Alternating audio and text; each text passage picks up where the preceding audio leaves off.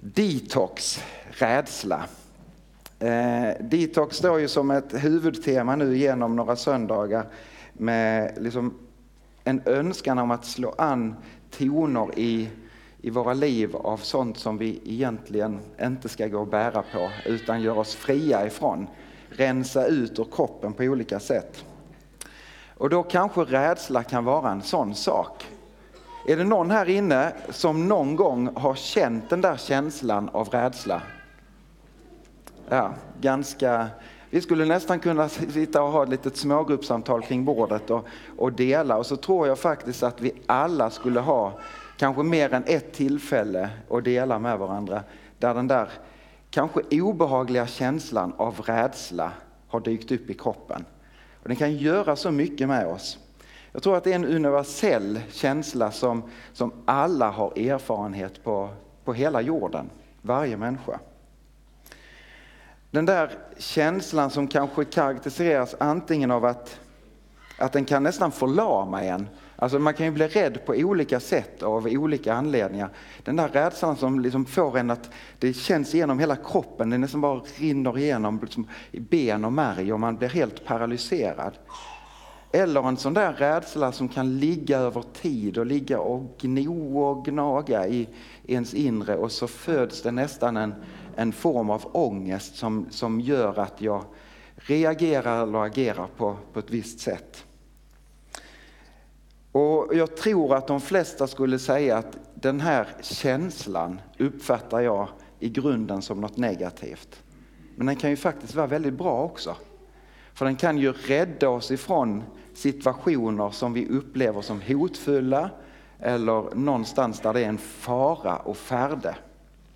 Möter man ett vilt lejon, eller som eh, han sa, eh, Hasse Alfredsson heter han va? Lösa lejon. De var så lösa som man knappt kunde ta på dem. Eh, ett vilt lejon i vildmarken och så står man där. Det, då, då, vad gör man då? Jo, antingen så kan den där känslan av rädsla få mig att, att värdera situationen. Kan jag hantera den? Kan jag brotta ner det här lejonet? Och, och så. Och så tänker jag, nej, det kan jag inte. Då springer jag, eller vad man nu ska göra. Ta inte detta som något tips om ni möter ett lejon, vad ni än gör. Men, men den där känslan av rädsla kan få en att agera och reagera på ett sunt sätt som faktiskt försvarar oss. Men rädsla kan också få en att agera irrationellt och inte sådär jättebra. För att citera en annan komiker, Johan Glans, han sa ju så här när han upplevde någon liksom, åh det här, åh nej, jag lägger mig i fosterställning och väntar tills det går över. Det är också en sån där förlamande känsla som kan slå en. En påtaglig fara eller en situation som skrämmer och så är det nästan som att, nej, jag vill inte. Det, det ordnar sig nog på något sätt. Eller så börjar jag agera på andra tokiga sätt. Den här känslan och upplevelsen av, av just rädsla har någonstans följt igenom mänsklighetens historia från första början. Och vi kan läsa faktiskt i skapelsens liksom, första tid där hur, hur rädslan slår an i människan efter syndafallet. Jag tänkte vi kan få börja där. Bara för att få bakgrunden. Gud har skapat fantastiskt vackert. Hela skapelsen. Och för varje ting som kommer till så säger Gud, se allt är gott. Det är, det är en sån total harmoni i skapelsen. Och så sätter han som kronan på verket människan. Skapad till hans avbild. Och så är vi satta till att vårda den här skapelsen, ta hand om den, driva den på Guds uppdrag. Vi är satta att föröka oss och bli fler. Och vi är satta i den här skapelsen för att leva i en fullständig harmonisk relation med varandra, med sig själv och framförallt också med Gud själv. Och den här tillvaron var för de första människorna. Men så händer någonting. Det går snett. Och så sker det som kommer att påverka hela mänskligheten. Vars konsekvenser faktiskt du och jag lider av idag. Nämligen syndafallet. Adam och Eva står det i, i Bibelns första eh, bok, i första Mosebok, blir lurade av den onde. Gestaltat i berättelsen som ormen, som det listiga djuret som kommer och lurar människorna att inte lita på Gud. Att liksom stå på egna ben och så fokuserar han på det där enda förbudet som fanns i Edens lustgård. Tänk att det var bara ett enda förbud. Ät inte av frukten från kunskapens träd. För då kommer ni att dö. Ni kommer inte kunna hantera det. Och så är det precis det som den onde fokuserar på. Vi läser, och känner någon? Känner ni? Det är syndafallet. Det står så här i första Mosebok 3 och de första verserna. Ormen var listigast av alla vilda djur som Herren Gud hade gjort. Den frågade kvinnan, har Gud verkligen sagt att ni inte får äta av något träd i trädgården? Bara en paus där. Hör ni hur lögnens fader slår till? Han säger, har Gud verkligen sagt att ni inte får äta av något träd i trädgården? hade Gud aldrig sagt. Han hade sagt ät inte av kunskapens träd. Han vill så in liksom misstroende mot Gud och liksom så här i, blanda lögn och sanning.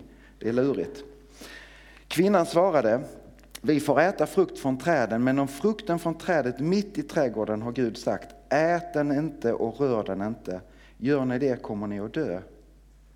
Ormen sa, ni kommer visst inte att dö. Men Gud vet att den dag ni äter av frukten öppnas era ögon och ni blir som gudar med kunskap om gott och ont. Kvinnans, eh, kvinnan såg att trädet var gott att äta av. Det var en fryd för ögat och ett härligt träd eftersom det skänkte vishet. Och hon tog av frukten och åt. Och hon gav också till sin man som var med henne och han åt. Då öppnades deras ögon och de såg att de var nakna. Och de fäste ihop fikonlöv och band dem kring höfterna. Här sker någonting som, som kommer att få påverka hela mänskligheten. Människan blir lurad bort ifrån Gud, att lita på Gud. Att lita på det som Gud så, så enormt generöst har gett. Ät av allt. Allt är tillåtet, allt är liksom tillgängligt. Men ät inte av detta trädet för er eget bästa. Och så är det just det som den onde fokuserar på. Ett mönster som går igen, som kanske du och jag också känner igen oss i när vi frestas och prövas, så är det fokus på just det som vi vet inte är bra för oss. Och så öppnas deras ögon och utifrån denna säga, händelse så inser de plötsligt sin nakenhet inför Gud. De ser sina liv på ett nytt sätt. Jag tror inte det handlar bara om nakenheten av att man inte har kläder, utan det är en nakenhet som går rakt igenom hela människan. En nakenhet inför Gud av att, ja men nu så har det blivit fel. Alldeles totalt fel. Och så klingar den här, nu kommer ni att dö. Vad skapar det hos Adam och Eva? Jo, de blir rädda. Och de gör lite som Johan Glans. De springer och gömmer sig. Fortsätter vi att läsa i vers 10. Och detta är när Gud inte liksom ger upp på människan utan söker dem. Går i trädgården och ropar efter dem. Och så ska vi se så att jag läser rätt här nu.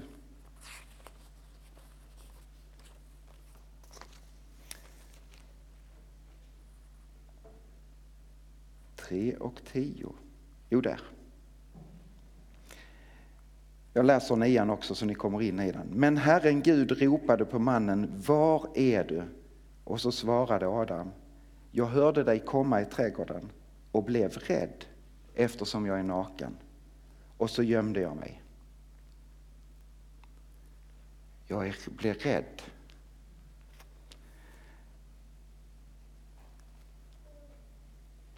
Men i detta så, så får vi i och för sig den här situationen som vi alla föds in i. Ett brustet, en brusten relation med Gud. Ehm, det som vi kallar arvsynden, som, som vi inte liksom kan göra så mycket åt mer än att födas in i. En brusten relation med Herren. Men i detta så får vi också se Guds omsorg om människan i alldeles direkt. Läser vi vidare i Första Mosebok 3 och 21 så står det hur Gud handlar i detta.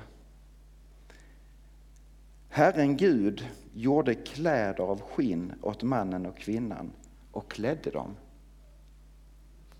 Innan han förpassar dem från Edens lustgård för att skydda dem från att inte äta från livets träd så att de blir eviga med den här synden.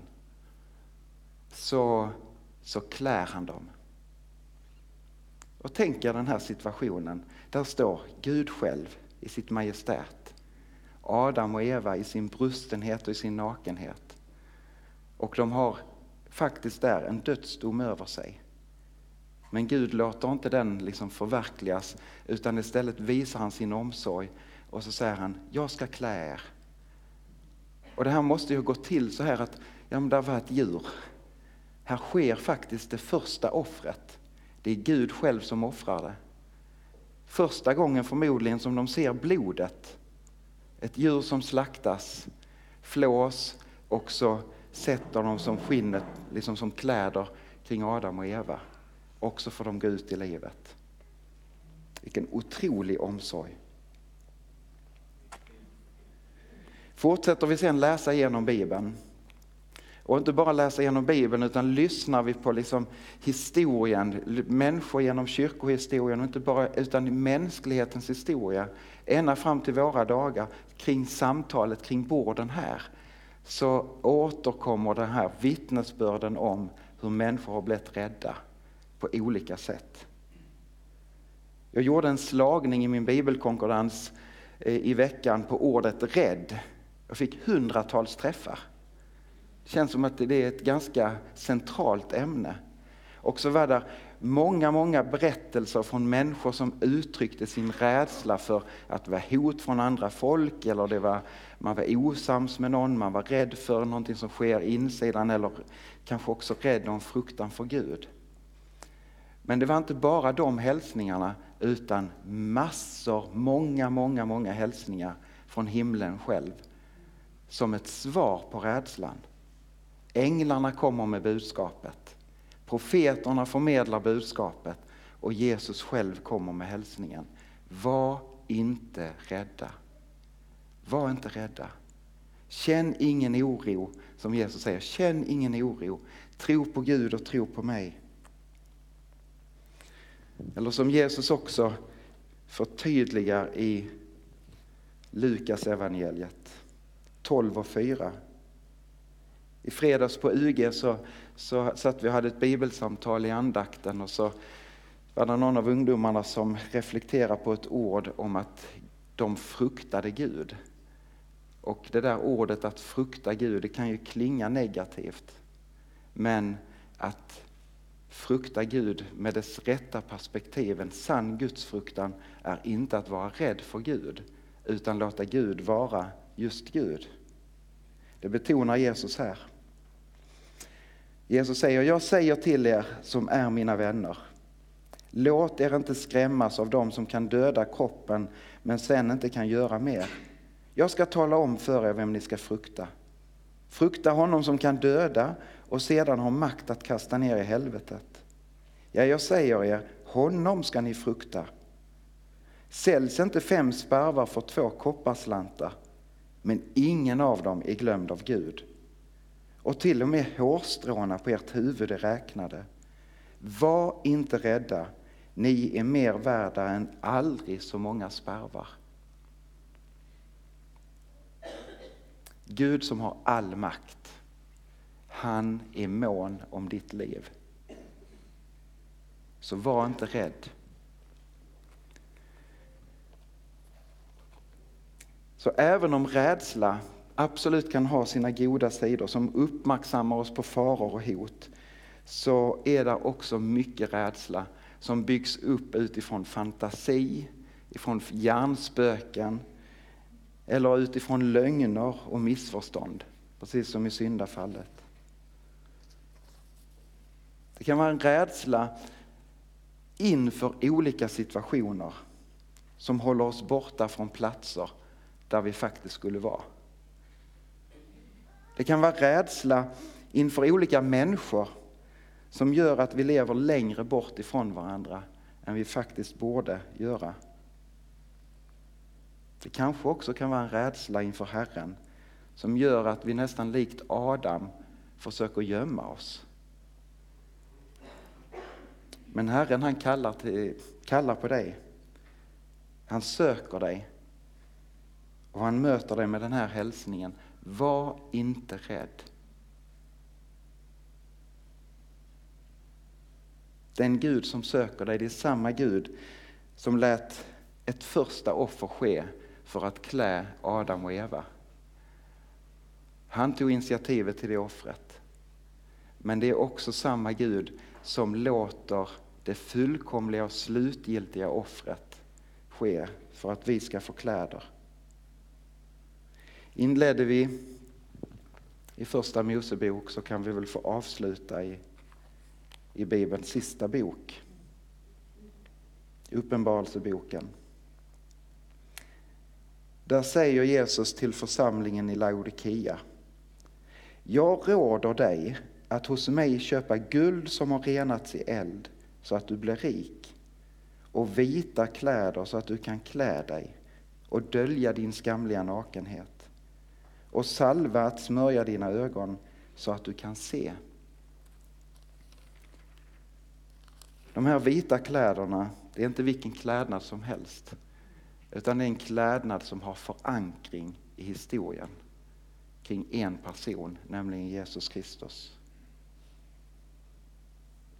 Johannes får se, lite längre fram beskriver han i Uppenbarelseboken när han får se den himmelska festen. Och han försöker återge det så här i kapitel 7. Sedan såg jag och se en stor skara som ingen kunde räkna av alla folk och stammar och länder och språk. De stod inför tronen och lammet klädda i vita kläder med palmkvistar i sina händer. Och de ropar med hög röst, frälsningen finns hos vår Gud som sitter på tronen och hos lammet. Alla änglarna stod kring tronen och kring de äldste och de fyra varelserna och de föll ner på sina ansikten inför tronen och tillbad Gud och sa Amen. Lovsången och härligheten, visheten och tacksägelsen, äran och makten och kraften tillhör vår Gud i evigheters evighet. Amen. Och en av de äldsta sa till mig, dessa som är klädda i vita kläder, vilka är de och varifrån kommer de? Jag svarade, du vet det Herre.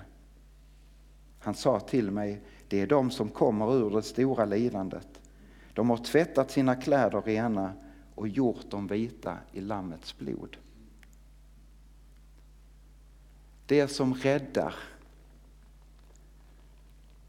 oss ifrån en rädsla av att gå förlorade är Jesus Kristus. Hans försoningsdöd på korset. I det offret så får vi ta emot en ny klädnad ifrån Gud själv. Han står för det fullt ut. Och Gud han ger aldrig upp sin vilja och sin önskan över någon människa. Utan han fortsätter att söka. Han söker dig och därför så, så kan du få ställa dig med en trygghet, en frimodighet och en enorm tacksamhet inför honom och faktiskt bekänna ditt liv och våga på något sätt visa på din nakenhet. här står inte allt rätt till. Men Gud ger dig nya möjligheter utifrån förlåtelsen. Du får lägga ner det som tynger och det som skaver. Det som blev fel och det som blev skevt. Och du kan ställa dig utan rädsla för att om Gud ska förlåta dig och utan rädsla för om ska Gud lyssna på min bön. Det behöver du inte vara rädd för utan det gör Gud. Han kallar dig vid namn. Läs in ditt eget namn i detta. Magnus, och så säg ditt eget namn. Säg det högt bara, en gång. Var inte rädd. Tro på mig och tro på Gud. Profeten kommer med den här hälsningen. Nu säger Herren som har skapat dig, han som har format dig, var inte rädd. Jag har friköpt dig och jag har gett dig ditt namn. Du är min. Ska vi stå upp tillsammans och be och bekänna?